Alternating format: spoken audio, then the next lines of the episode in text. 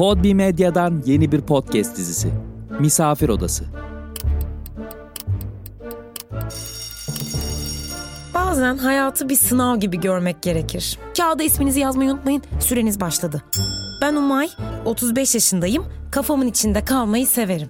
İlk sorudan başlıyorum. Soru 1. Haleti ruhiyenizi tanımlayınız. Dilenci değilim, beyaz yakalıyım.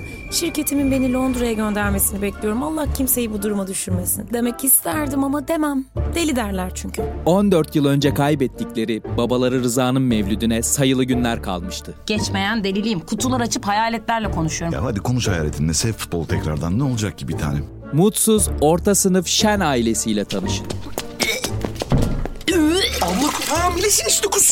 Soru 2.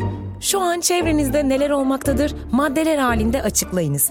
Donuk suratlar, bezgin enerji, ağlayan çocuklar. Çocuklar çok ağlıyor. Umay kendine yeni bir sayfa açmaya hiç bu kadar yakın olmamıştı.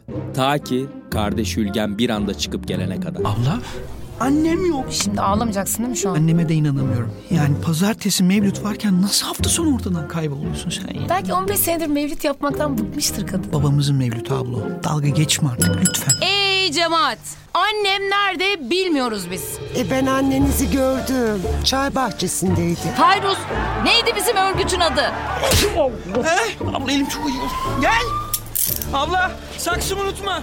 Bir de temizlik çamaşırı. Volkan Çıkıntoğlu'nun yazdığı, Tunç Şahin'in yönettiği, başrollerinde Aslı İnandık, Güven Murat Akpınar ve Derya Alabora'nın oynadığı Misafir Odası tüm podcast platformlarında yayında.